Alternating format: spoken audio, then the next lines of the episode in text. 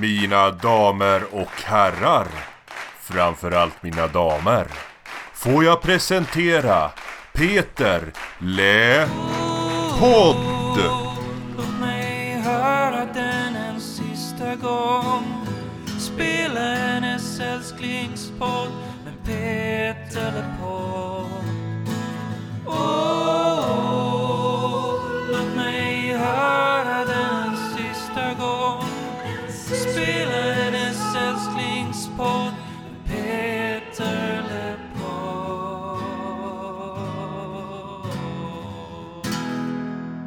Välkommen hem! Jag heter eh, Tony Savela och med mig så har jag Emil Gustavsson Rydrup som alltid. Ja, och eh, ni lyssnar alltså på Peter Lepodd Sveriges och världens enda och största podcast om Peter Lemarks diskografi och karriär. En podcast där vi eh, går på djupet i detta artistskap. Vad ska vi prata om idag Emil? Idag ska vi prata om Peters andra livesläpp. Skivan som han har döpt till Lemark Live från 2008 som då en inspelning från 2007-turnén. Hur, eh, hur är det med dig idag? Det är helt okej. Jag sitter hos min mor i Trollhättan. Så jag har så mycket Lemark-feeling i kroppen som man kan ha. Och eh, jag sitter ju i Göteborg där eh, den här skivan de facto är inspelad. Precis, upp på Avenyn i Konserthuset. En av tre kvällar som han spelade där 2007. Eh, I slutet av november, början av december. Och idag när vi eh, spelar in detta så ska fotbolls-VM börja för Sverige. Eh, Sverige ska ju då spela mot Spanien så att eh, de som lyssnar på det här i efterhand vet ju hur det gick men det vet ju inte vi. Men det i alla fall kan liksom relatera till på något sätt för jag tänker ju sätta mig när jag kollar på den här matchen när, när det här samtalet är över. Det är den här känslan av matchdag. För det är ju matchdag för oss i Lepodd också.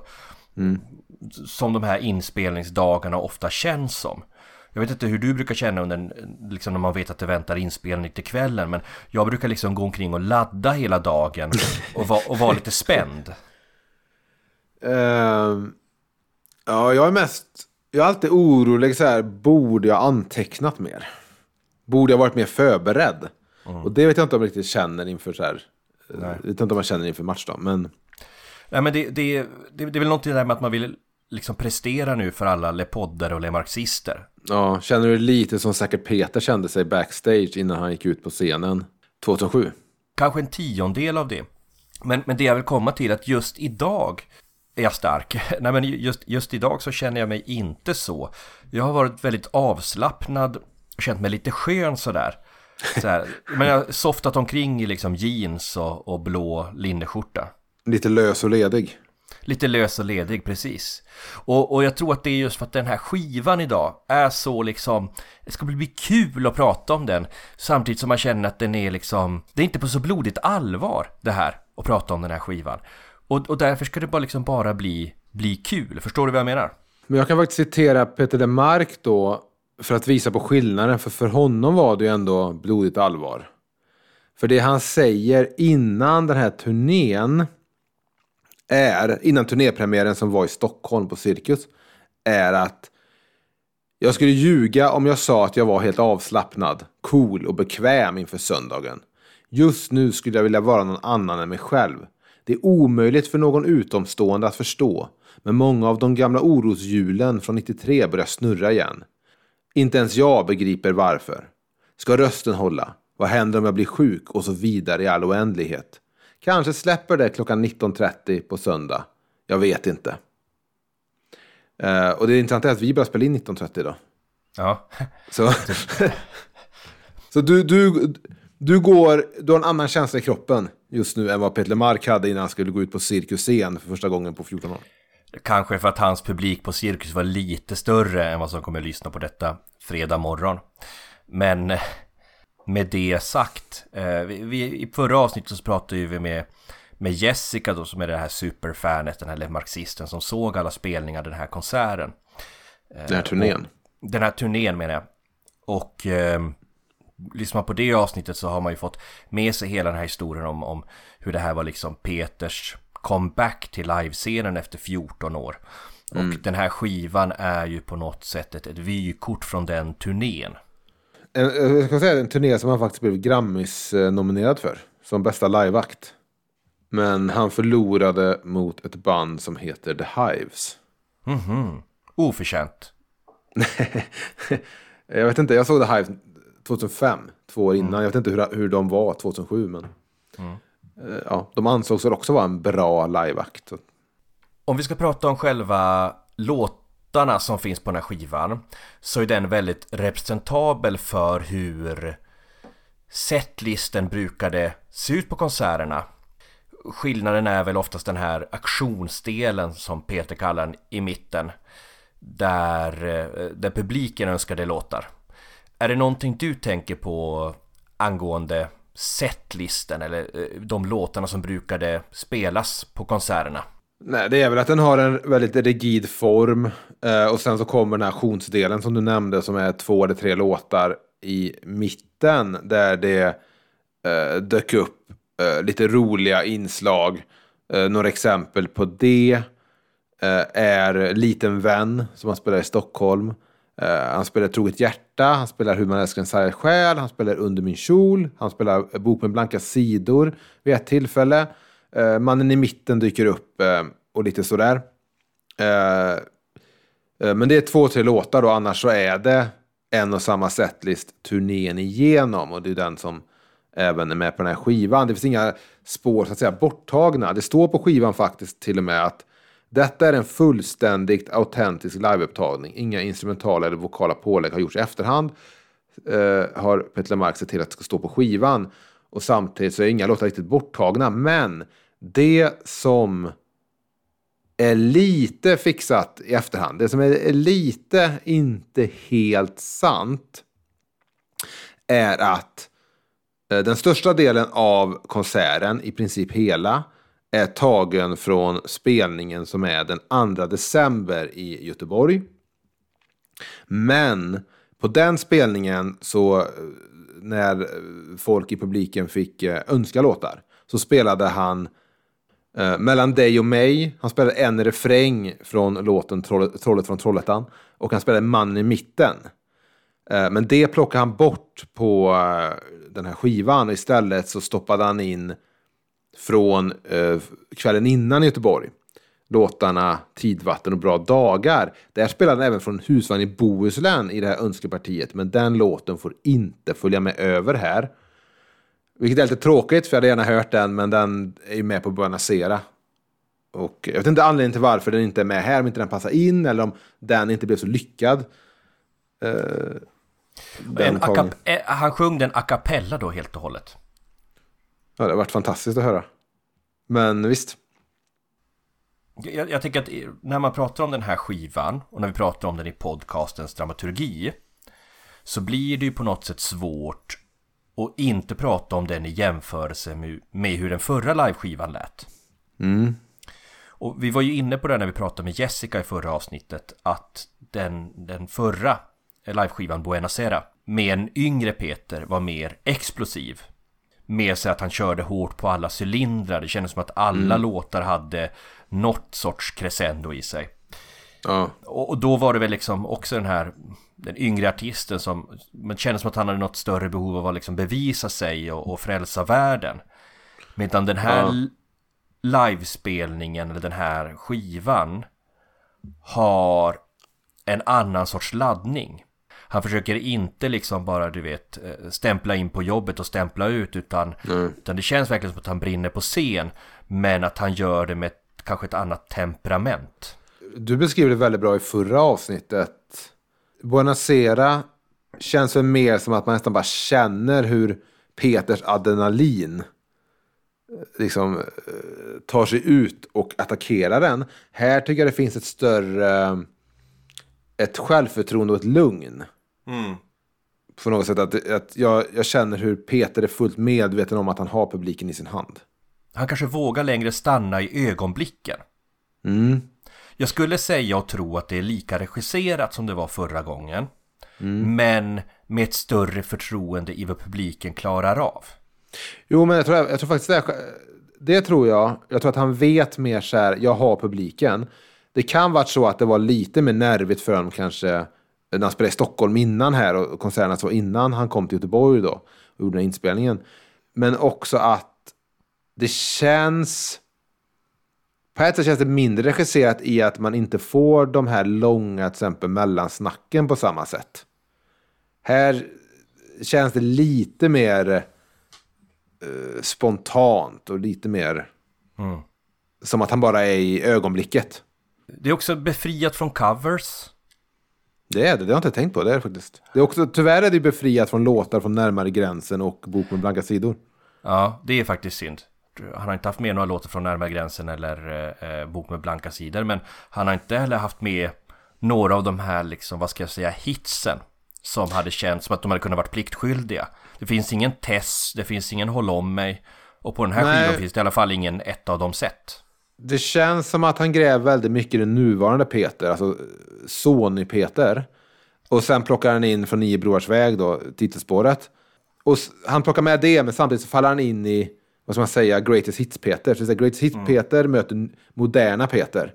Han tappar lite det som händer mellan 93 och att han lämnar MNV.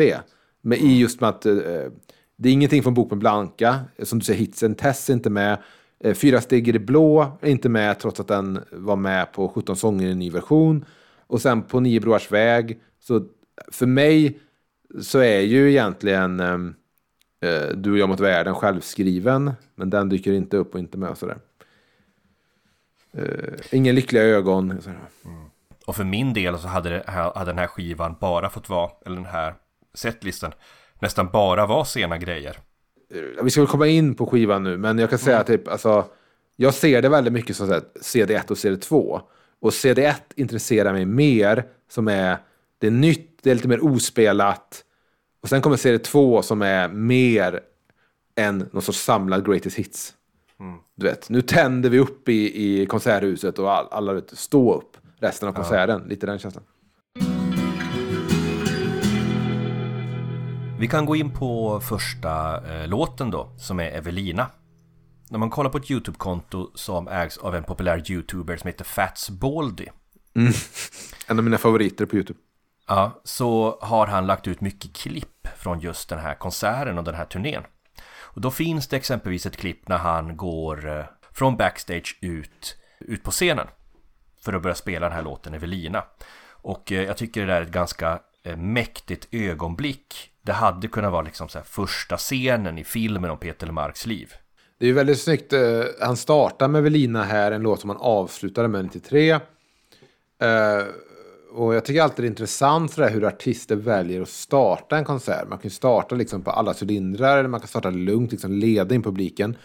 Här startar han i princip liksom bara med, på en mörk scen med en spot på sig. Väldigt så här lugnt och fint. Och, och de får en låt som såklart Peter vet om, alla, alla i publiken uppskattar. Eh, innan konserten smäller till. Men eh, jag älskar det, han kommer in, det är bara han, det är låten. För man vet att sen kommer explosionen, så man får den där känslan av att nu, nu gäller det. Men vad tycker du generellt sett? Om, tycker du konserter ska starta liksom med ett pistolskott? Eller tycker du att det ska sakta men säkert eh, starta upp med någonting lugnt?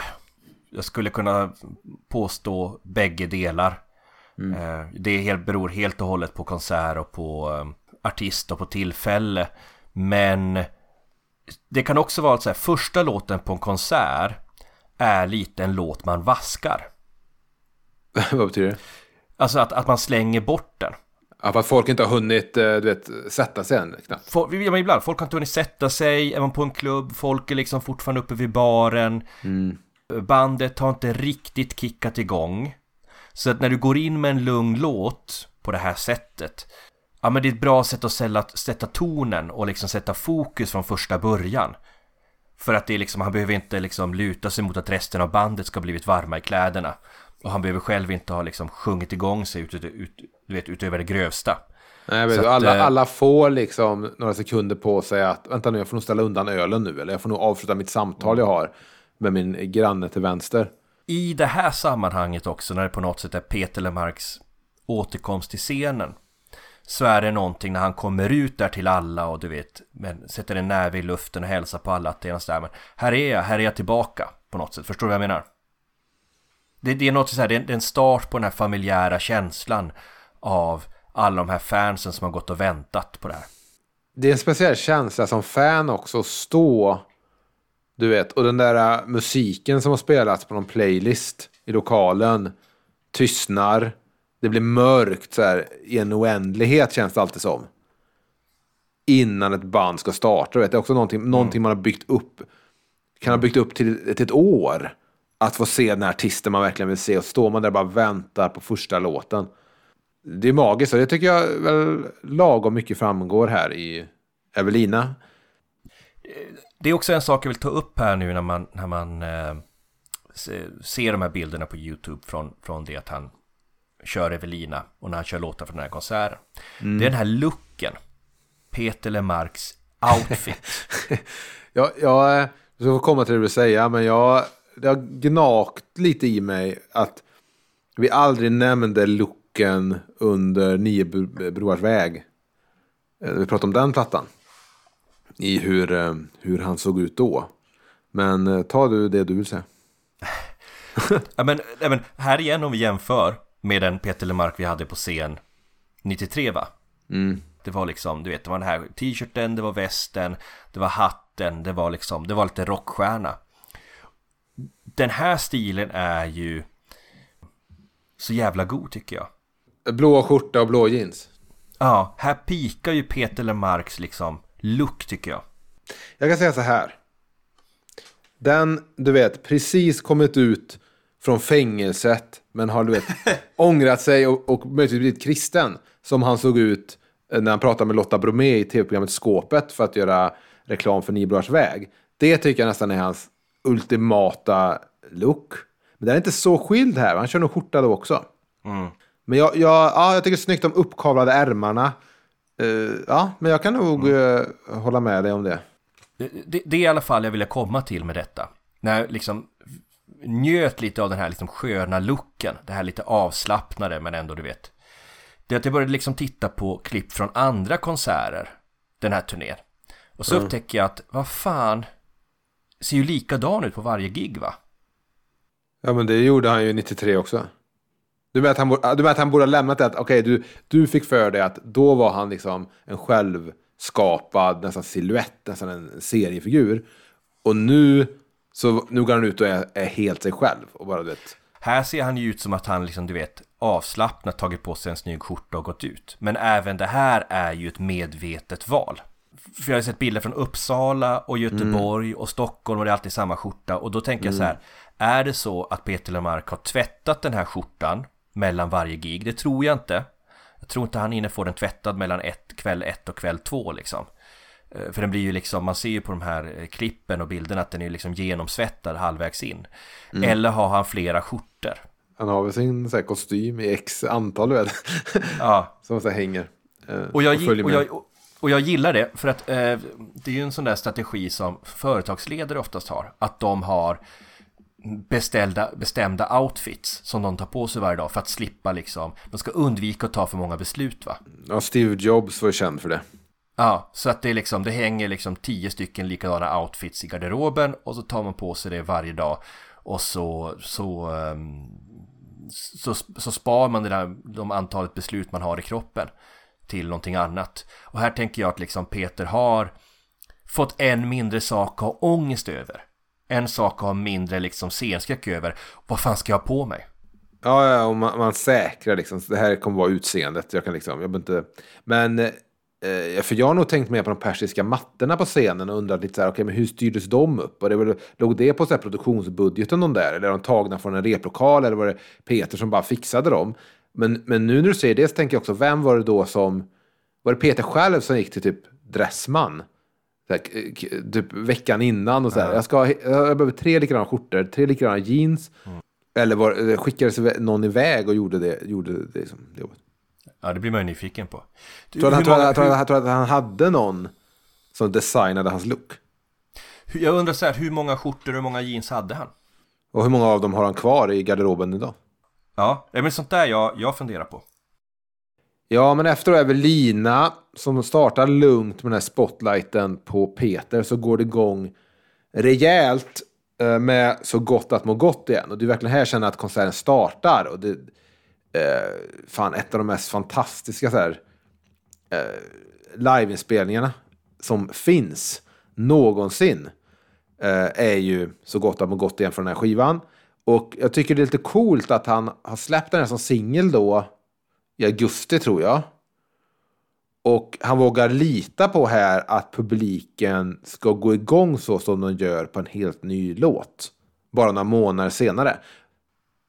Men med, det framförandet han gör och så liksom jävla god den här låten är Så jag tror att det är en låt som att även om publiken inte har hört den Så liksom bara det här upptempot Gör att har man inte hört den här låten så kommer man ändå du vet Ställa sig upp från sin konserthusstol Och liksom du vet skaka rumpa Det är så jävla go när den här sätter igång Ja, men sen ska väl också erkännas att jag tror att han kunde spelat vad som helst där. För att publiken är ju så svältfödd efter 14 år på Peter LeMarc live. Att vad han än spelar tror jag publiken var redo liksom att att lämna stolen och eh, ställa sig upp och klappa. Med det sagt, det här är ju ändå den definitiva versionen av låten eh, för mig en stor höjdpunkt på den här skivan.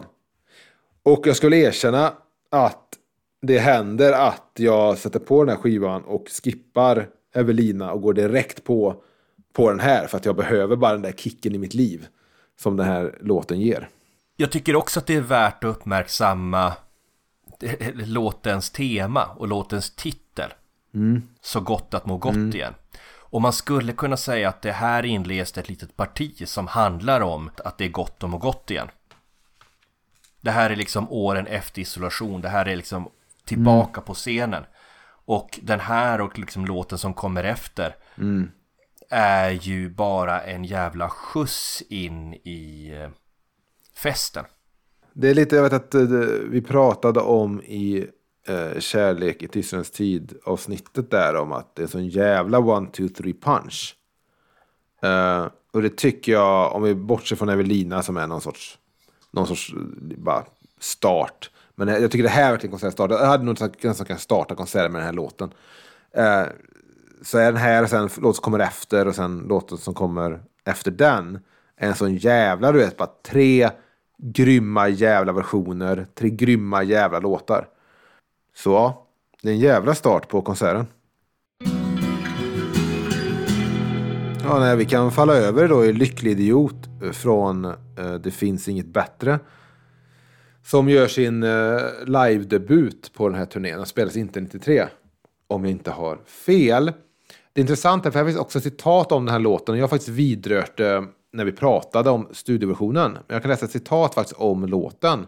Som kommer här då från Peter LeMarc. Han skriver nämligen att sitter och planerar några setlists. Gjorde en lista över låtar jag vill och bör spela. Den hamnade på över fyra timmar. Så nu sitter jag och slaktar kattungar. Shit, jag skulle vilja veta hur den eh, originallistan såg ut, vilka låtar han övervägde. Och det är då han kommer till i alla fall att min fru tycker att Lycklig Idiot är överflödig. Trots att den aldrig spelats live. Uh, han tar ändå med den i setlisten sen då.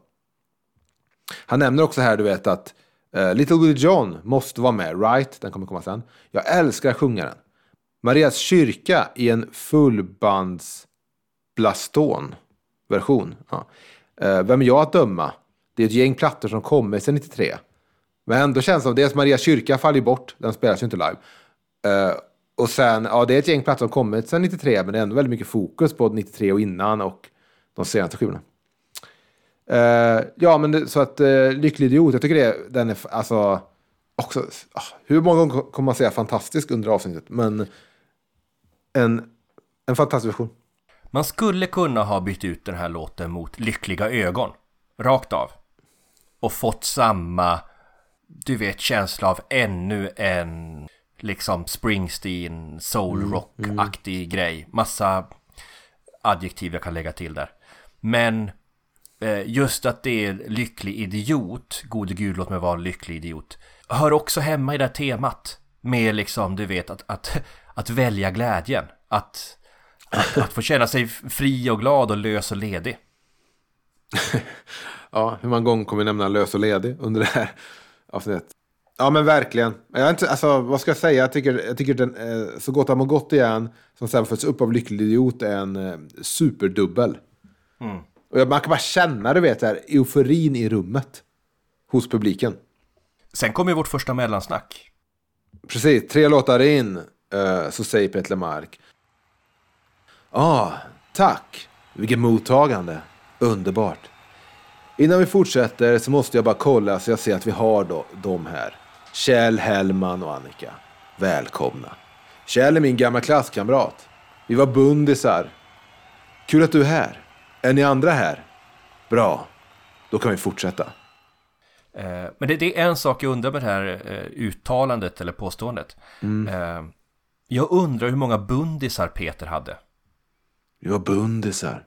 Jag satt, jag satt uppe sent igår kväll och kollade på, på Peter Lemark-klipp på eh, YouTube. Och eh, det kan man faktiskt ifrågasätta. Man har en underbar, härlig sambo som, du vet, går och lägger sig och man säger Älskling, jag kommer snart och lägger mig. Och jag, jag skulle kunna liksom vända till den där liksom varma famnen och vi hade kunnat sitta och kolla på, du vet, dåliga tv-program i någon timme. Eh, och bara, du vet, myst. Och istället så sitter jag uppe till klockan ett och kollar på eh, YouTube-klipp på Peter Lemark. Jag ger, jag ger er relation två år till. Vi, vi, ska ju, vi ska ju gifta oss i juli här. Ja, ja. Återkom om två somrar. Ja, vi har ju, vi har dels, vi ska gifta oss och vi har bundit våra lån nu. Så att jag, jag hoppas att det blir mer än två år. Nej, men jag, jag eh, kollade i ett, eh, ett videoklipp från Trollhättan 91 när han spelar eh, Little Willie John. På torget där. Ja, det är väl under det här akustiska äventyret, men då hade han faktiskt med sig ett band. Och det var väl lite lokala killar om jag förstår det rätt. Precis, De- den spelningen är frånskild det akustiska äventyret tror jag. För då, då är det ett, ett Trollhätteband ihopsamlat. Och han spelar på eh, Trollhättans 75-årsfirande. Ja just det, just det, du, du snackade något om det med, med Gomez. Eh, men då i alla fall så introducerar han en av gitarristerna som heter Benny. Och han säger att Benny var hans bästa vän i femte klass. Kan det vara så att Peter ju, typ, fjäskar jävligt mycket inför de han känner? Ja, ja men jag undrar hur, må, hur, många, hur, många, hur många bundisar och bästa vänner hade Peter? Alltså han har ju ändå utmålat sig lite grann som en lone wolf, har jag fått känslan av Ja, egentligen. ja. Men jag tror han var superpoppis. Det kan ha varit. Det kan ha varit. Och Jag tror att det var, ja, du vet, det var så här slagsmål på skolgården om vem som fick vara Peter Lemarks bästa kompis. Ja. Myten om eh, att han var en lega spricker nu. Ja. Han var en älskvärd, trevlig, lite blyg pojk. Ja. Som alla vill Som- spela fotboll med. Mm. Han blev aldrig vald sist. I någon. Nej, Pet, Peter Lemark var inte bara den som blev vald, du vet först, han var den som fick välja. ja, ja, ja, ja. Och han var sån som typ valde en tjej först för att vara schysst. Ja, Eller han valde, du vet, killen med glasögon. Eller han valde, du vet, Ronny med ett ben. mm. för att Peter Lemark var ju ändå med i laget, så det skulle ju bli mål. Ja, ja. Men Peter stod till och så här var schysst med passarna och sånt. Han, var inte bara, han stod inte bara vet, längst upp i målet för att få bollen och sätta den. Han arbetade också. Han sprang ner på planen också. Låt nummer fyra, Tutula. Det jag kan säga om Totula är att det är fantastiskt kul att få höra eh, en liveversion av den låten eftersom den är bortklippt från Bonacera.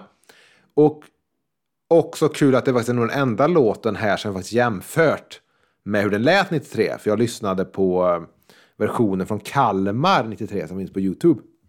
Och det är kul att faktiskt känna att eh, den från 2007 tycker jag eh, enkelt går segrande.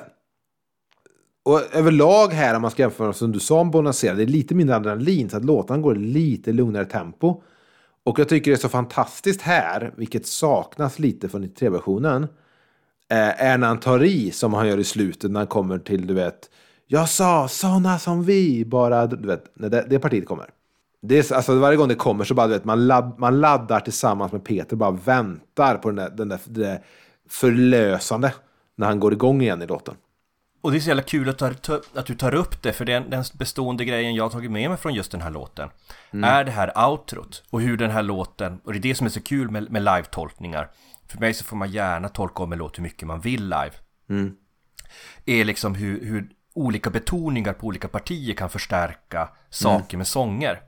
Och i det här fallet så har det här outrot gett mig en helt ny insikt. Inte bara om den här låten, men kanske om Peter Lemarks eh, låtskrivande överhuvudtaget. Eh, för, för den här frasen han sjunger mot slutet, och det är ju med i originalet, men där hade jag inte tänkt så mycket på det. Han sjunger det här, sådana som vi bara drömmer på om saker som vi aldrig kan få, eller hur? Ja, precis. Jag sa sådana som vi bara drömmer på om allting som där som vi aldrig kan få. Och ja. Det är skitbra. Shit, hör du tonsäker också när jag, när jag halvsjunger? Ja, vilken modulation. Ja. Och då, då tänker jag så här Emil. Har vi missat ett av Peter Lemarks mest betydande teman? Kommer det in någonting nytt nu? Det är det som är grejen, att det är inte någonting nytt. Det kan vara så att det är någonting som har seglat under våra näsor. Seglat förbi oss. En viktig pusselbit i Peter Lemarks låtskrivande och hans teman. Alltså något som borde varit med på checklistan. För finns det inte väldigt många låtar som handlar om att drömma om någonting man inte kan få? Eller ångra chanser man inte tog? Vi har ju några gånger i den här podden nämnt det där, du vet, The One That Got Away och dylikt. Så det ligger väl inom det. Vi har, vi har ju pratat om låtar med det temat. Och vi har nämnt det. Men vi har inte dragit en röd tråd mellan låtarna. Nej, jag precis. Jag, jag, jag tänker på Evelina. Vi kunde levt nära himlen om vi lagt Ja. ut korten rätt. Ja, Jag, jag tänker på det vi pratade om med Marias kyrka. Precis. Titta på de här bilderna i, eh, i ehm, de där eh, fotona i någon kartong man har hittat. Eh, om någon som man en gång har varit med men inte kommer få. Och på vilken låt på förra skivan så sjöng han Du var en vacker dröm, men en dröm är en dröm, lik förbannat. Bara när jag blundar. Precis. Ja, det, det är väl ett äh, återkommande tema lite om någon, någon, någon sorts hägring är fel ord. Men någonting långt, långt bort eh, i ens minne på något sätt som alltid ligger kvar i ryggsäcken. Eller är det någonting att man ifrågasätter om man har gjort rätt livsval?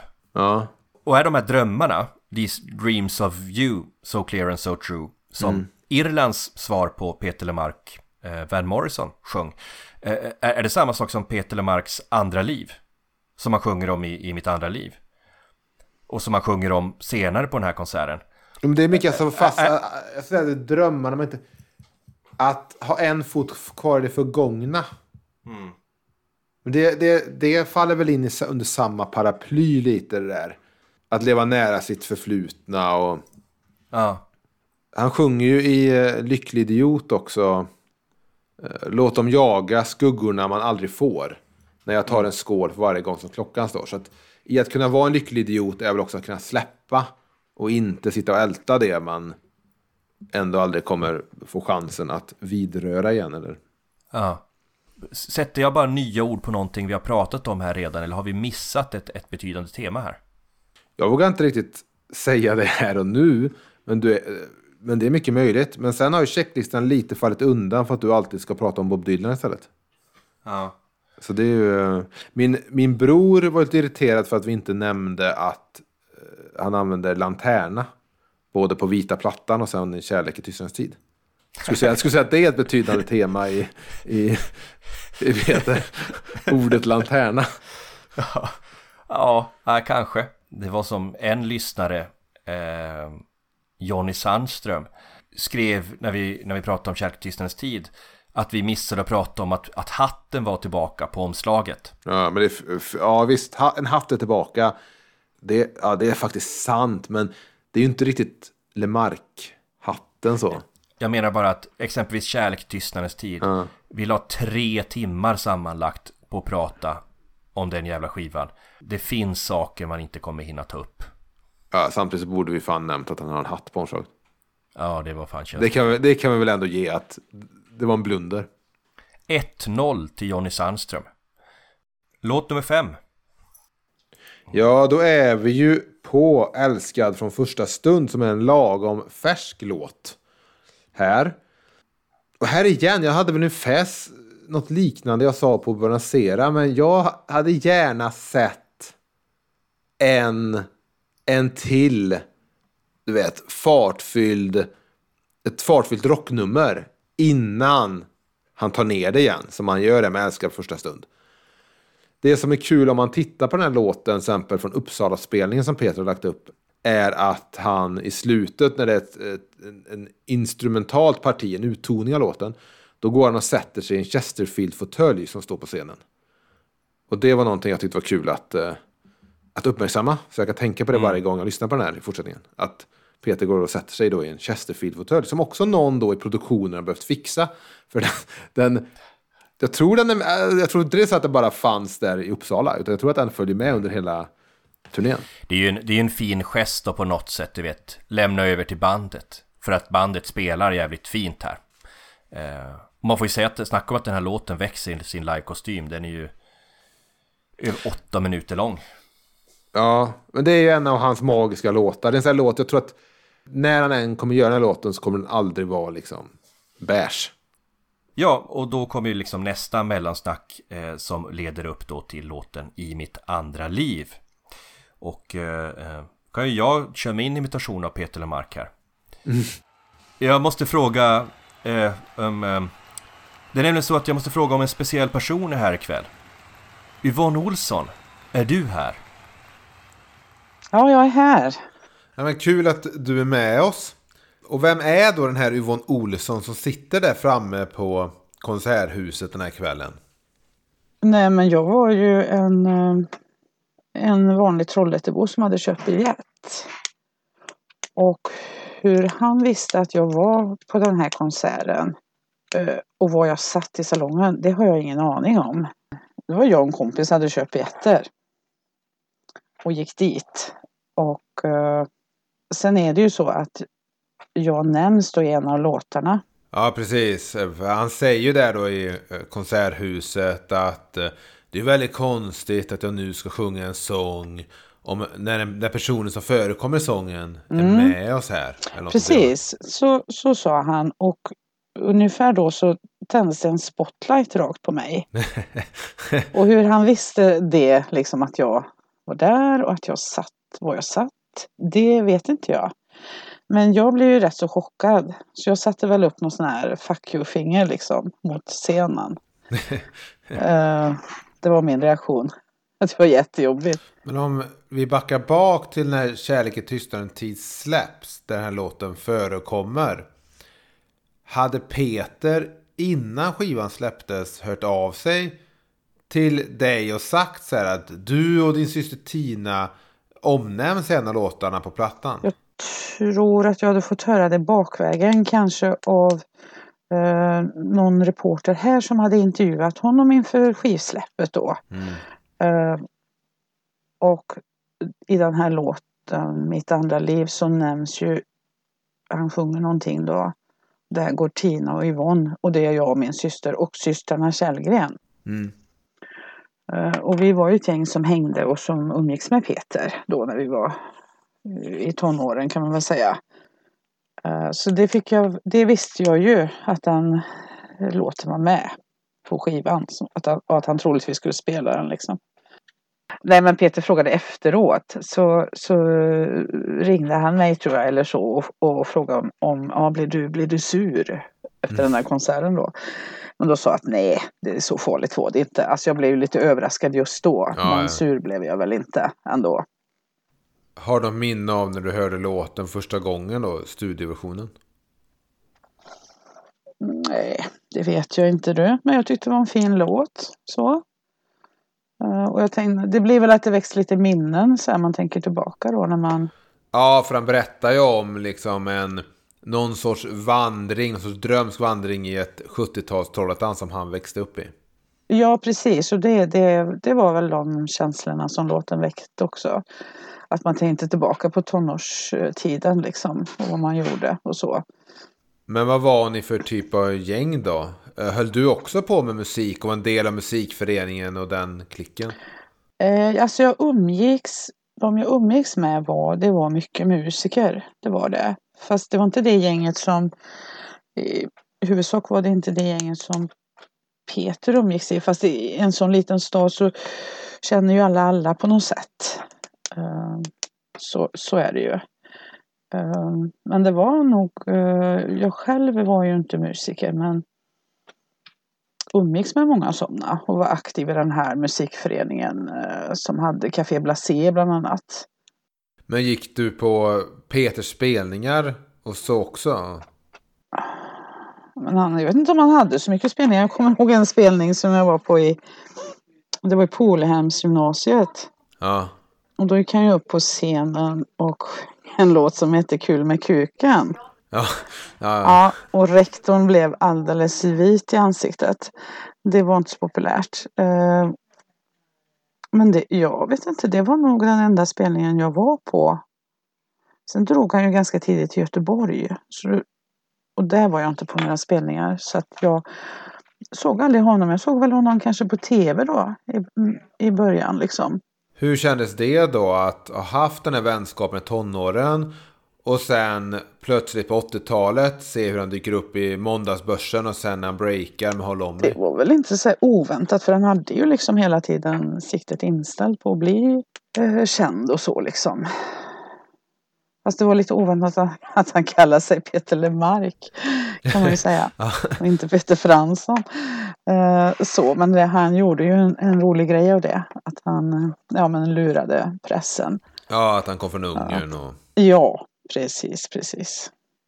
Noterar du där Tony att eh, Peter är inte så duktig på att förvarna folk när han ska liksom dra in dem Eh, i, i sina berättelser och i sina låtar. Eh, när vi pratade om Buonasera så pratade vi, hade jag ju pratat med S. Österman som inte heller, som först fick reda på att Peter Lemark åkte land och rike runt och drog en story om honom.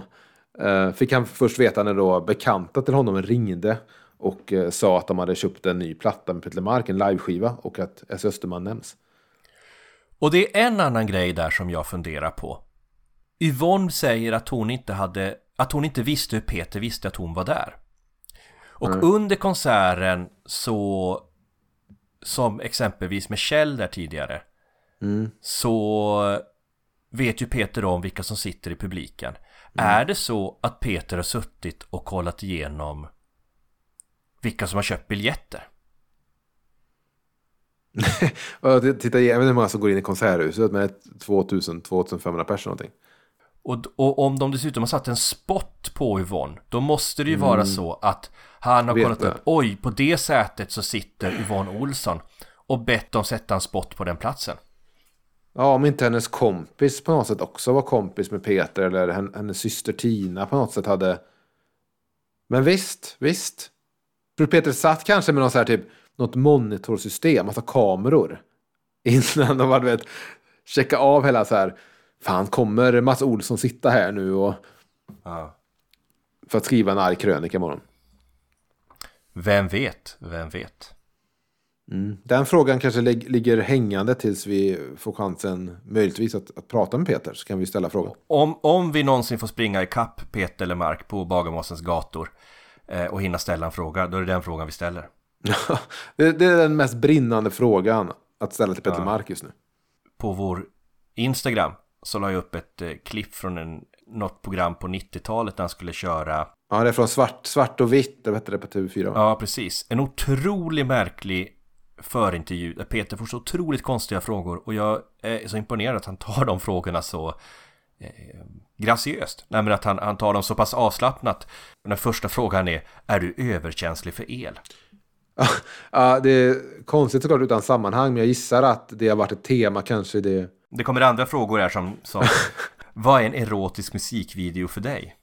Ja, ja, för jag tänkte också att om man träffar Peter Mark så hade det varit en kul fråga att ställa. Bara, är, du, är du överkänslig mot el? Frågetecken. Låt nummer sju, drivved. Jag vill bara, säga, hade jag varit i publiken på Konserthuset och druckit en öl för mycket och han frågar så här, eh, vilken låt vill ni höra? Och folk ropar Tess, spela Troget hjärta. Så jag bara ropat, Peter, Peter, är du överkänslig mot el eller? och så hade han kört Kiss-låt Shock Me.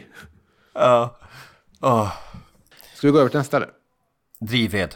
Ja, precis. Eh, Drivved är väl också lite likt Älskar från första en stund. En låt jag tror att Peter aldrig i hela sitt liv skulle kunna göra dålig. Hur mycket han än du vet, aktivt försökte att sänka låten av någon anledning så skulle det inte gå. Och här bygger väl på mitt case där om att han här eh, vågar sig på lite grann eh, och utmana, inte utmana publiken, men att han vågar sig på här och liksom stanna i ögonblicken och våga på att göra en ballad till en riktig ballad. Eh, titta på Drivved 93 så var ju bryggan ett liksom crescendo. Här liksom stannar han i känslan och liksom rider ut den hela vägen. Eh, och det är ju en, det är ju en makalös jävla eh, version. Ja, jag tycker att i och med att den, här, den har sänkt tempo och jag kan tycka att 93-versionen går nästan lite för hastigt eh, nu när man har lyssnat på den här versionen. Och sen också att jag tycker att det finns en ålder och en tyngd i rösten här. Mm. Som jag tycker liksom bara stärker allting. Ehm, sen märkte jag också, för det var faktiskt också en av de få låtar där jag faktiskt lyssnade på Buenos Aires-versionen, lyssnade även igen på studioversionen. Och jag trivs inte riktigt med att det ligger en saxofon i studioversionen längre. Eh, jag tycker att... Det, men 17 sånger-versionen är fantastisk med orkestern som bygger upp allting. Vill jag faktiskt säga. Men eh, jag tycker verkligen här bara att man märker att han har mer år med sig. Och att det, det finns, det, det är inte en pojkspoling längre som sjunger orden utan det, det är en sån jävla tyngd i den. Eh, så det är jättefint. Jag- det, ja. Ja, jag önskar att jag hade något illa att säga om den här så att vi kunde liksom inte bara hylla. Det blir tråkigt att lyssna på det här men ja. Ja, men jag kan ge dig chansen istället att uh, säga någonting negativt då om Så långt mina armar räcker som är nästa låt. Och eh, man kan säga att det är sista låten innan det här, eh, den här aktionsdelen. Det är som en avslutning på första akten och det är ju skitbra här också. Det är ju eh, det är jävligt svängigt. Och det är kul att höra, för det är helt klart en favorit på det som håller oss vid liv. Um, så långt mina räcker. Och det är kul att få höra den live och få höra den leva ut totalt. Um, Här, här släpper ni ju det här eh, det som håller oss vid liv-soundet som vi pratade om. Det här lite mer eh, ehm, murriga. Men här, här så, så får den ju liksom gå sträcka ut sina egna armar liksom. Ja, dovheten är lite borta. Mm. Eh, Så, att, eh, så det är fantastiskt. De låtar jag pratar om nu är de som, som jag sa, det är den rigida starten på alla de här, om det var nio konserterna i turnén. Och eh, här kan jag också komma och läsa ett Peter-citat som sätter lite kontext. Kanske återkopplar till något vi sagt tidigare. Men det han säger är att inspelningen är från Göteborgs konserthus den 2 december. Med undantag för auktionsdelen, som vi kommer komma till nu då. Där jag valde den 1 december. Det kändes som om låtvalen var intressantare den kvällen. Parentes, tidvatten och bra dagar. Och sen säger han också, för de som vill veta, vi har endast klippt några applåder. Vem orkar höra fem minuters publikjubel innan första extra-numret? Frågetecken. Samt nå- i något av snacken när jag vill ha bort mig och publiken i västsvensk geografi. Men Kjell Hellman, Yvonne Olsson, Miles och alla andra, ni hörs.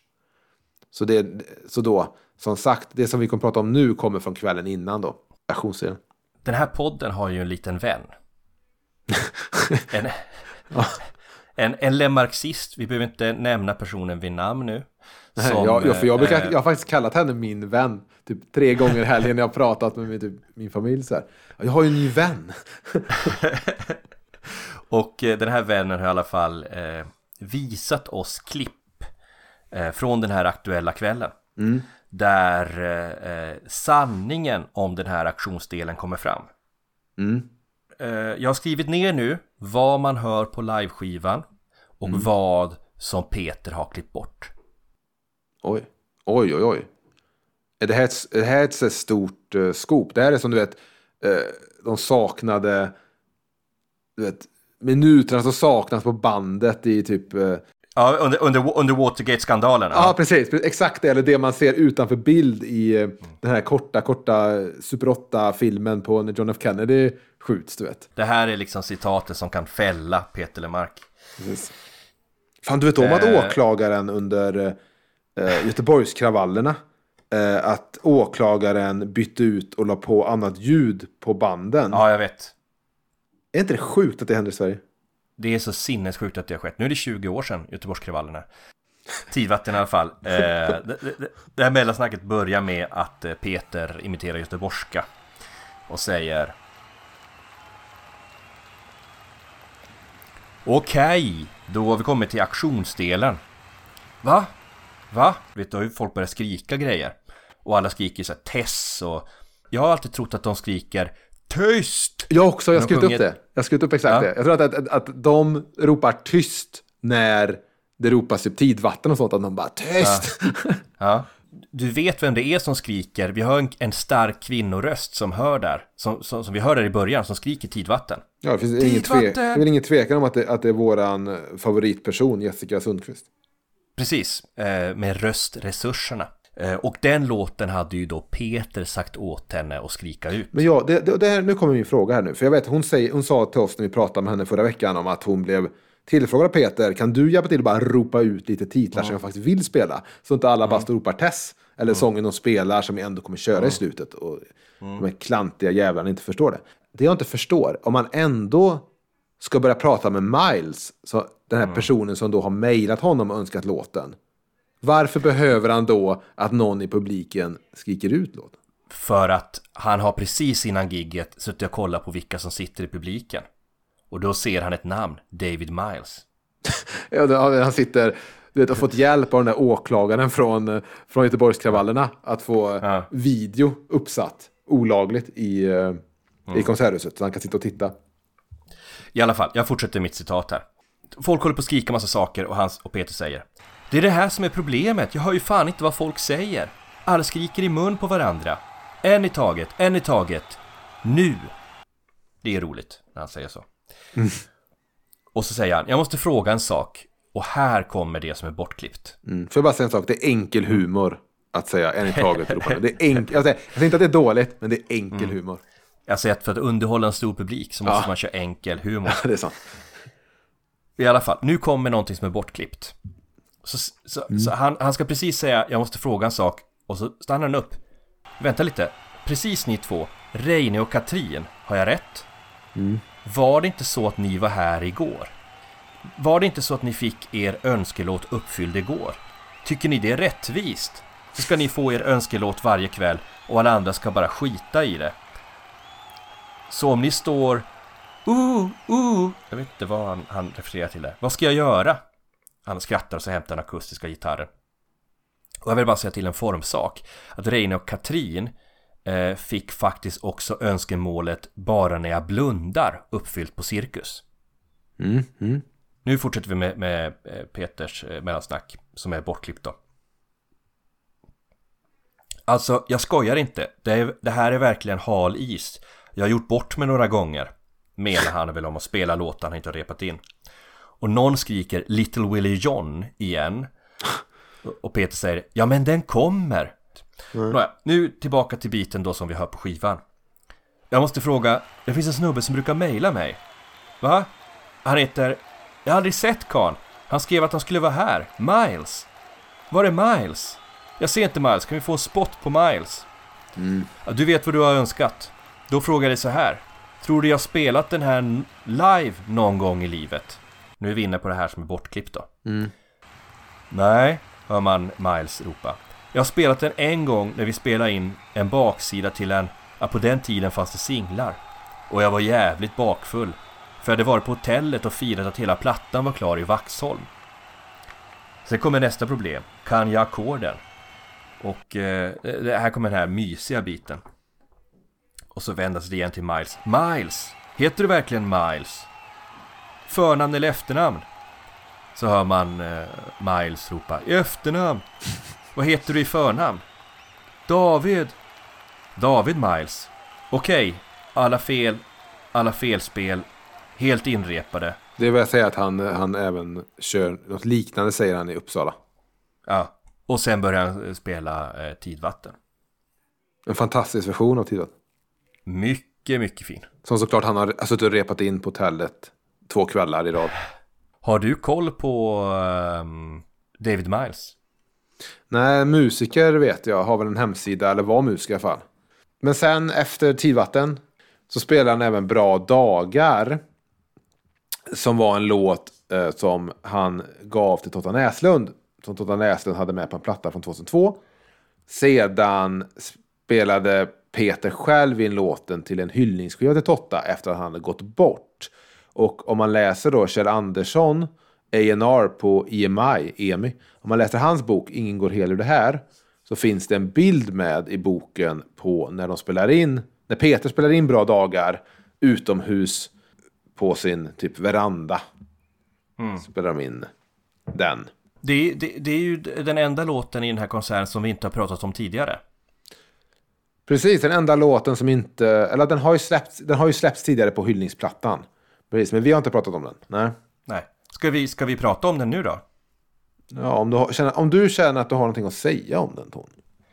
Ja, men det har jag ändå. Eh, jag kan bara läsa först vad Peter skrev om den, för han skriver ändå om den i eh, eh, 100 sånger. Precis, den är med i kapitlet där på slutet med låtar som han har skrivit men gett till andra.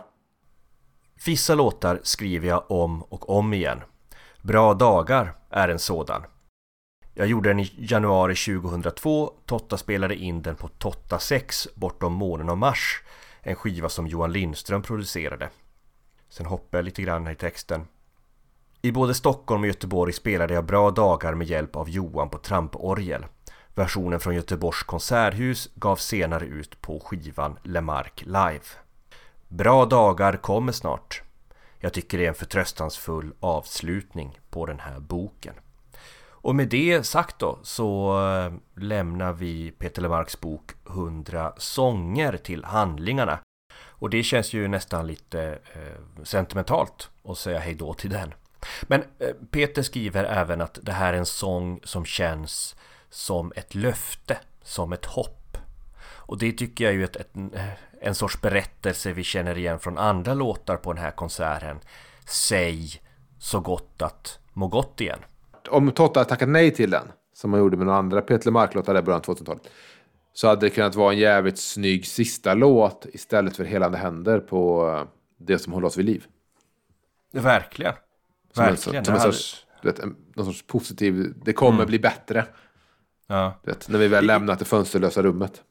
I den här eh, boken eh, eh, Peter Lemarks sångtexter 86 till 2017 eh, så kan man uttyda att det var den första låten Peter hade skrivit på nästan två år. Eh, mellan 2000 och 2002. Och då när han höll på att skriva Det som håller oss vid liv. Och det hör ju hemma i det där med, som några av den, de låtarna på den skivan, det här med att liksom stå med ena foten i sin förtvivlan och med den andra foten på väg framåt. Att sångaren vet att saker kommer bli bättre nu eller snart eller liksom att ett tillfrisknande sker. Men just nu så är det mörkt och svårt. Det här är en låt vi hade kunnat haft med oss i diskussionen med, med Alexander Karlsson, psykologen. Jag, lä, jag läser sista versen som sen går in i refrängen. Någonting är borta, finns bara ett tomrum kvar. En känsla, ett minne av att vara osårbar. Men vad kan bli värre efter det här? Och om det värsta är över är det bara en fråga om när. Bra dagar kommer igen. Bra dagar kommer sen. Då glädjen väntar som en gammal vän. Bra, bra dagar ska komma sen. Mm. Låten som avslutar CD1 på det här albumet. Vet du vad? Jag har tänkt på en sak. Jag hade tyckt det varit lite snyggt om den här eh, skivan hade släppts på vinyl när det begav sig. Eller i framtiden. Eller... Eftersom turnésetlisten är så rigid som den är. Frånsett de här låtarna vi pratar om nu. Auktionsdelen där det varvas lite låtar. Så hade jag gjort så att jag hade haft eh, Båda hade hetat Lemark Live, men jag hade haft eh, olika konserter på vinyl och CD. Eftersom det ändå är samma låtar och jag tror att de är ungefär lika bra. Så hade jag, och så hade jag låtit bara kanske då auktionsdelen skilja åt. Men det hade ändå varit, du vet. Så då hade man fått, fått trollet från Trollhättan. Som han sjöng någon av kvällarna på någon av versionerna. Leila Westersunds lilla låt. Ja. Du har gett ut det på vinyl bara för att få eh, Troll från Trollhättan. Ja, gett lite bara cred och kanske lite royalties till eh, Laila Westersund. Eh, eller ja, hennes anhöriga då, eftersom hon har gått bort.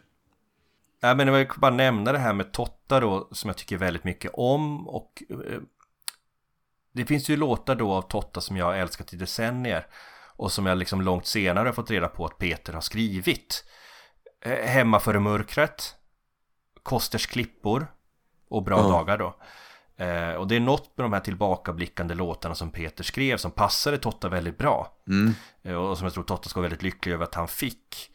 Eh, Peter spelade ju även Kosters klippor på Cirkus. Mm. I en gåshudsframkallande version skulle jag säga. Mm. Eh, Den är eh, helt otrolig och finns ju på Fats Baldys YouTube-konto.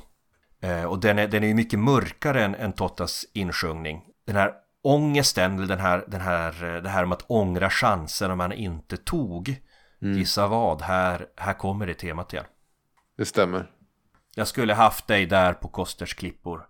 Jag skulle haft dig där än i denna dag. Det är tråkigt att, det är tråkigt att Fats Baldy inte la upp ett klipp när han körde, när han körde Liten vän i eh, Stockholm. Det är synd. Det var ett stort misstag. Men eh, visst, vi fick Kosters klipp istället. CD nummer två börjar med eh, Skönt att finnas till. Det stora tantsnusk-eposet.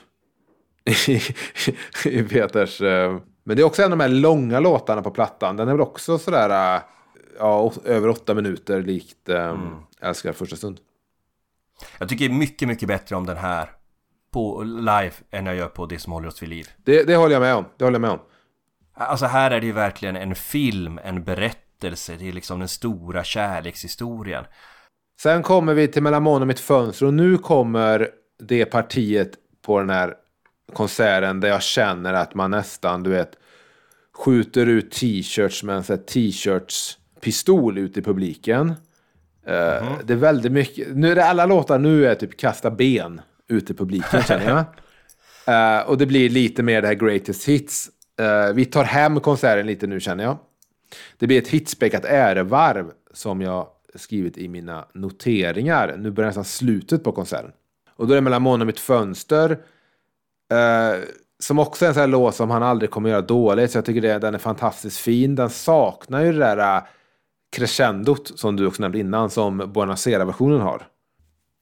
Vänta dig mirakel följer upp den.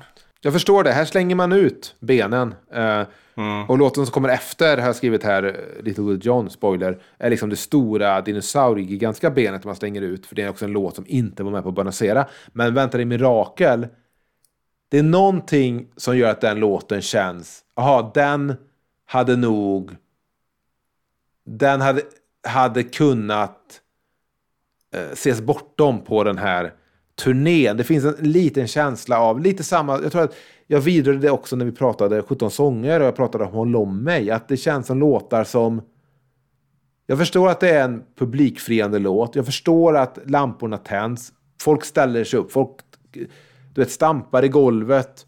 Ehm, alla har så jävla trevligt ihop när den här låten kommer. Men jag känner också att det är en låt från ett tidigare liv. Och jag hade kunnat sett här att man hade kanske kunnat utmana publiken lite istället med en låt som kanske är närmare gränsen.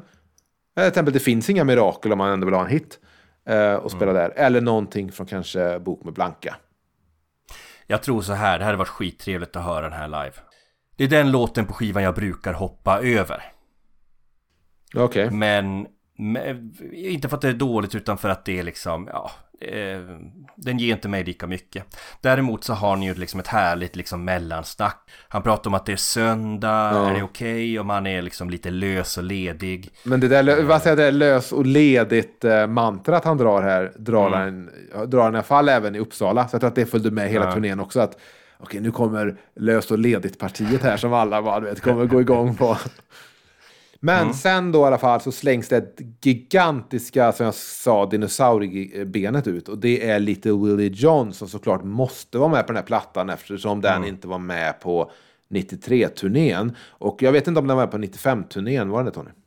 Det, det, du menar den stora 95-turnén som följdes av den gigantiska eh, Europaturnén 97? Ja, precis. Han turnerar med GES. Det är ju suveränt att vi faktiskt får en ver- liveversion av den här. Det Mm. finns ju ingen annan. Eh, och det är en låt man hade kunnat tänka sig hade kunnat dykt upp på 17 sånger eller någonting. Jag förstår att så fort, så fort Peter Lemark fick tanken om att turnera igen så kom också tanken om ja, lite Willie John ska spelas. Det är så självklart den ska vara med.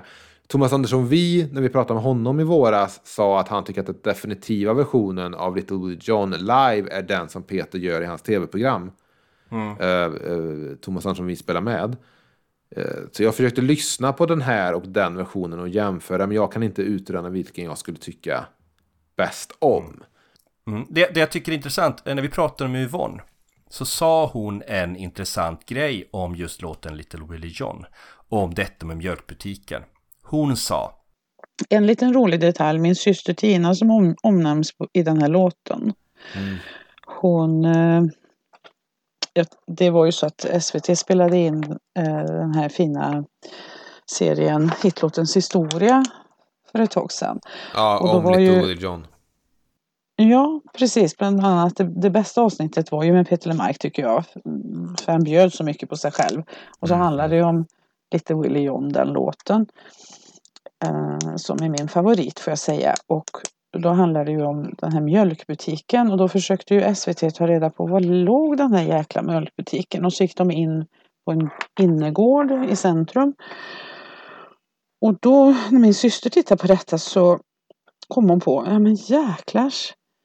Jag bodde ju i mjölkbutiken. För där alltså låg ett, ett eh, hus som är rivet nu. Ja. Och då kom hon på att hon, hon hade bott i, i den här mjölkbutiken. Ja, den var mjölkbutik, sen blev den bostad liksom. Som en liten konstig lokal. När kan hon ha bott där? För jag pratade med min far. Som när han tittade på Hitlåtens historia. Så, så var det så att han hade haft en kompis på 70-talet. Som hade bott där s- sent 70-tal. Och bodde där då efter den här Bosse då. Som var den Ja. person som Peter Mark kände som bodde där. Ja, precis. Min syster hade honom i skolan. Och, och han bodde där, men sen när han hade dratt, då, då flyttade min eh, syster och hennes kille Nisse Wattman in där. Nisse Wattman. Ja, precis. Det är personen som min, eh, min pappa refererar till som flyttade in där efter Bosse. Ja. Ja, ja precis. Och, och min syster Tina. Åh, precis. Det lustiga var att de därifrån så flyttade de Ja, de kanske bodde någon merstans i Trollhättan och sen flyttade de ner till en mjölkbutik i Göteborg på Nordhemsgatan. Som också hade varit en gammal mjölkbutik. Ja, där lägger vi en, en till pusselbit i det här pusslet om den här mjölkbutiken på den här gården i Trollhättan. Det vill jag ju tacka för att vi fick chansen att göra och tack för att vi fick prata med dig. Ja, det var det lilla.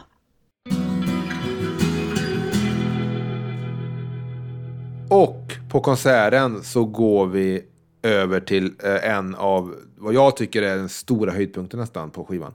Och det är den upptempo-versionen av Du är bra som är sammanflätad med den fantastiska Här kommer din älskling. Jag tycker det är lite modigt att ta Du är bra eh, som på det som håller oss vid liv är en mer sån här eh, ja, men han, han kallar det själv tröstesång då. Och det, det, som har den här pulsen som ligger under låten. Den är väldigt lugn och så här. Eh, som nästan som en metronom som bara slår. Och så tar man den här och gör den så jäkla upptempo och det funkar så jävla bra.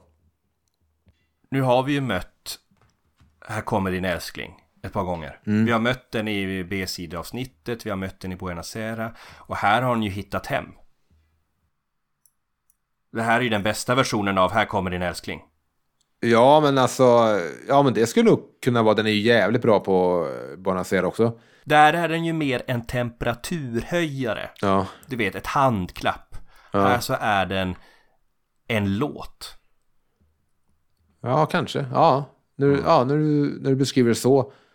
Ja, men och den, och den, det funkar jävligt bra att fläta ihop dem eh, och tillsammans då med bandpresentationen som kommer eh, under låten.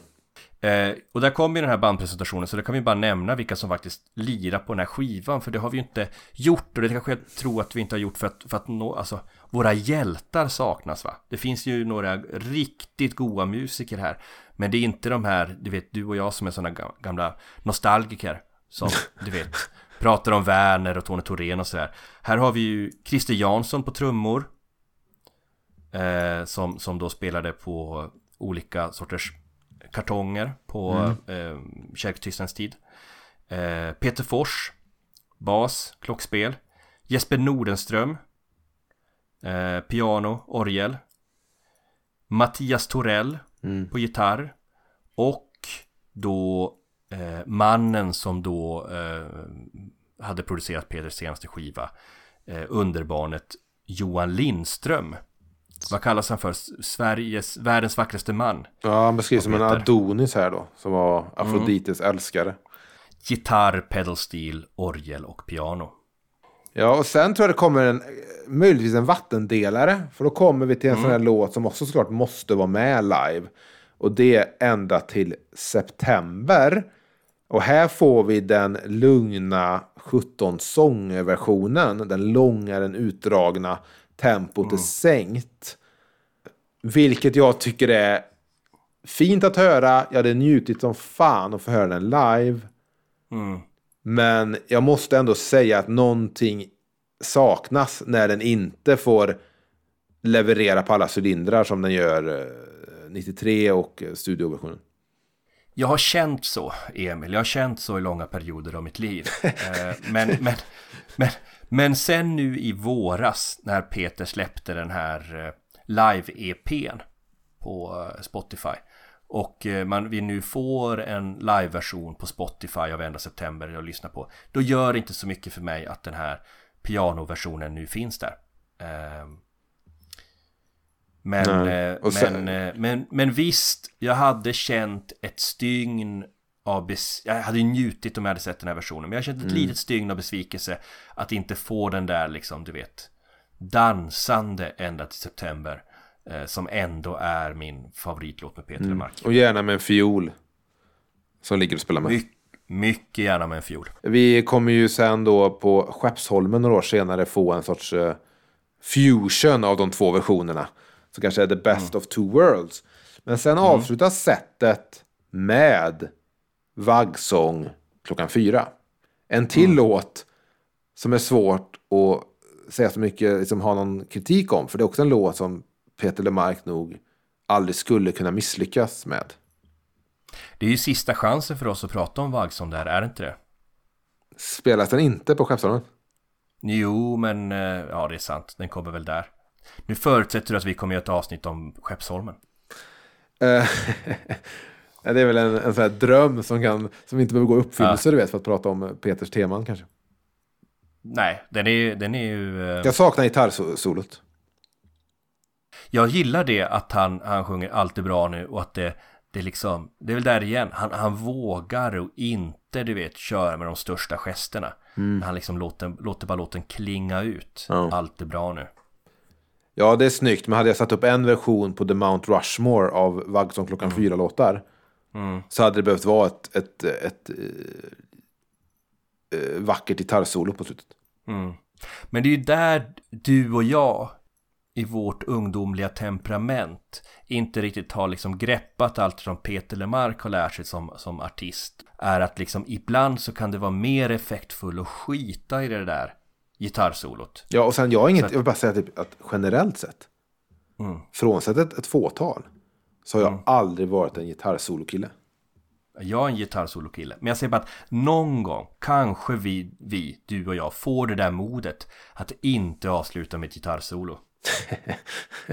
Ja, och sen visst, jag pratade om att det är ett ärevarv att han slänger ben till publiken. Hade han verkligen velat slänga ben så hade han väl dragit ett gitarrsolo där gissar jag. Så att visst, han, han är duktig på att paketera den här konserten efter beståndsdelarna så att säga som man har valt att ha med.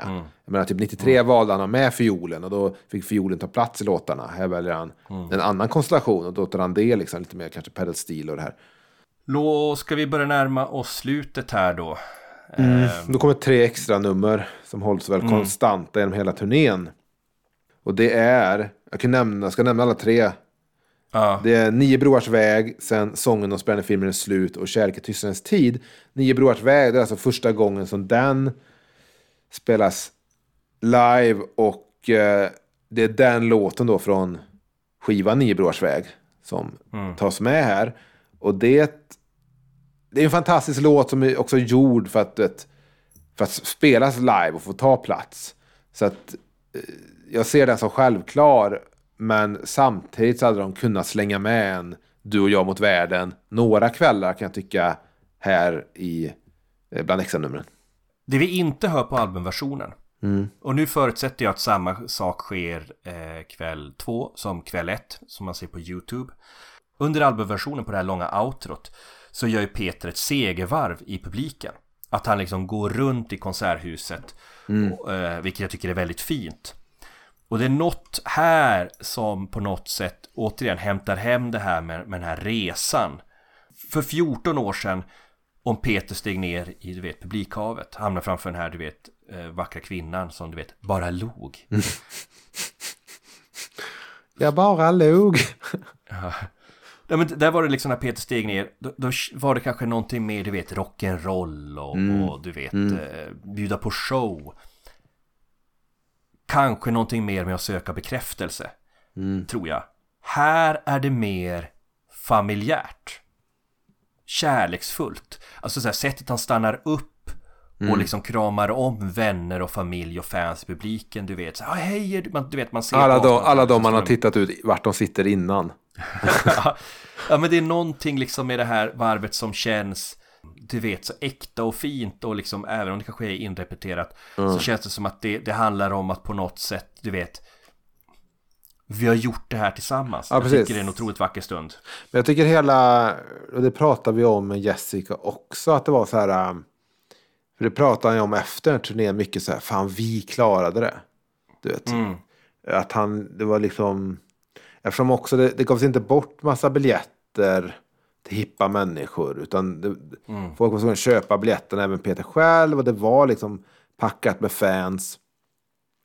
Och så, så, så, är, så är det någonting väldigt fint i det där att det var någonting vi gjorde tillsammans.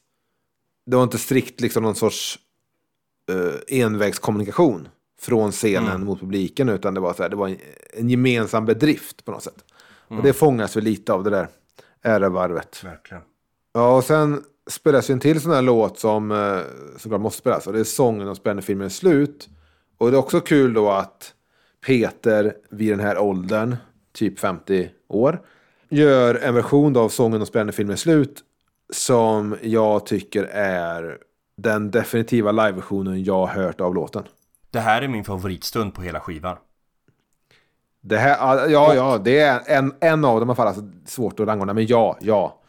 För, för mig så är det i synnerhet hur den här knyter ihop med nästa låt.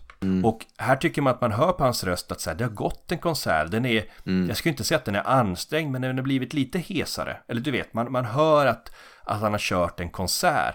Men jävlar i mig vad han kör och jävlar i mig vilka liksom toner han träffar. Satan, det är en grym sånginsats och han, Ja, och den här... han, han, ger, han ger fan allt här. Ja, jag älskar också hur de har arrat den i den här äh, baspulsen som ligger genom- konstant genom hela låten. Du, du, du. Så här, eh, vilket gör att man bara så här, man bara gungar med, liksom försvinner bort i låten. Lite så de lyckades med Du är bra på det som håller oss vid liv. Att det är så bara, det, man, man, man hamnar som i trans med låten, du vet, på ett sätt. De har ju också tagit ner verserna. Alltså det, det låter ju mer upptempo på album. Här så är liksom verserna, ta ett steg tillbaka så att refrängen kan komma in med full kraft. Och eh, det, det är ett makalöst sug i låten. Och när liksom refrängen kickar igång så är det som det man inom elektronisk musik brukar säga drop the beat. Alltså du vet, man, man liksom, där går ravet igång. Men det är också lite modigt kan jag tycka att arra om som man har gjort här på eh, låtarna. Och liksom kanske ta bort ett gitarrsolo här då. För att eh, det kan ju ofta slå fel. Det finns ju, finns ju tillfällen i sitt liv där man har hört en omarrad version live. För artisten har haft det roligt eller sådär. Um, där det har känts off, att det känns fel. Och sen så är det också typ som... Ja, liksom, jag överlevde så här långt och, och inte nämna Pearl Jam, så jag ska inte nämna dem. Eh, men här tycker jag det är modigt, men det, det är också... fantastiskt att det landar så väl.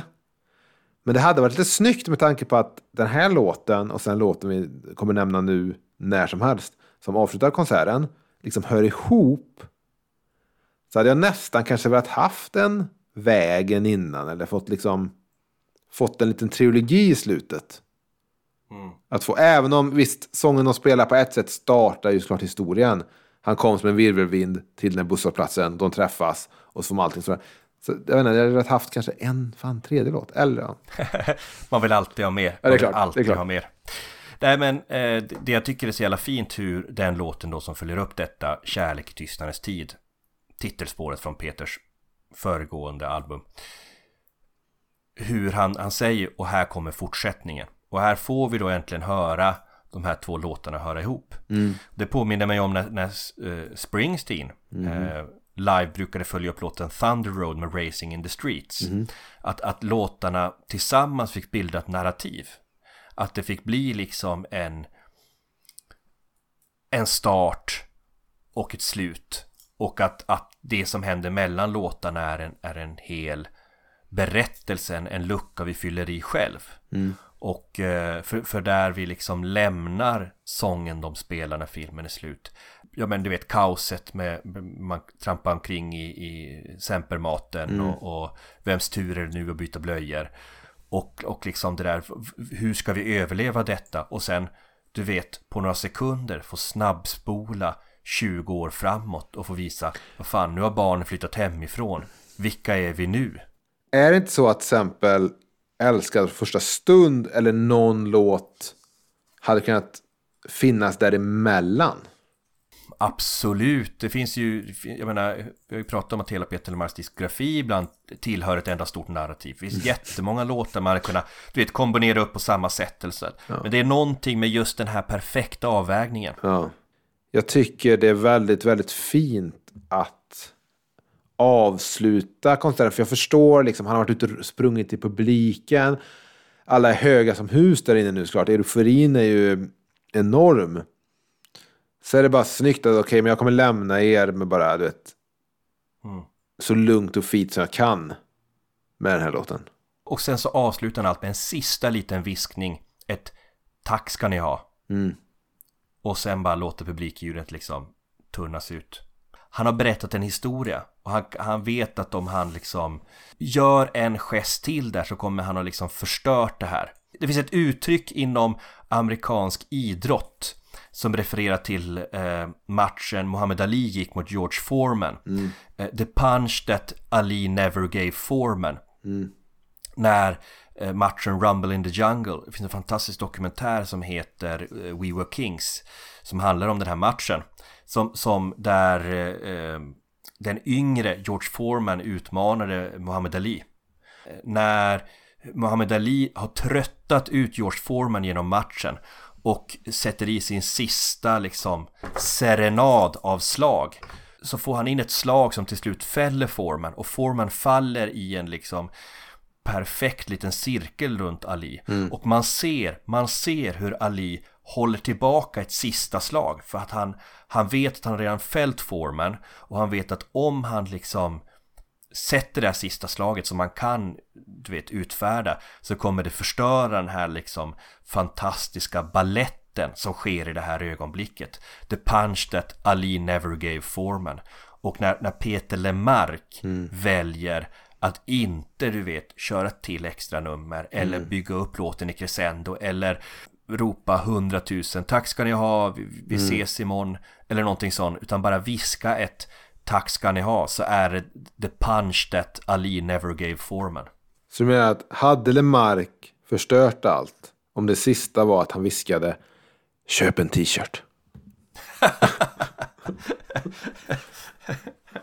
Signerade 100 sånger.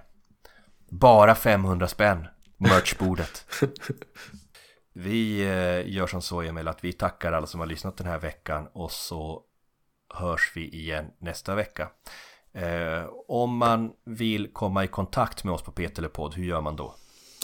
Ja, enklast är ju om man inte vill hålla på med frimärken och sånt. att gå in på sociala medier och söka på Peter eller podd. Vi finns på Instagram, vi finns på Facebook och vi har väl en viss närvaro på Twitter. Sedan så har vi också ett intro-outro. Jag kan väl också nämna vem som har gjort det. Det är Kristoffer Hedberg. Han är med i ett band som heter Easy October. Och Easy October hittar man på bland annat Spotify. Eh, Jag hoppas att ni håller avstånd, tvättar händerna, keep the evil spirits away. Allt är bra nu. Tack ska ni ha.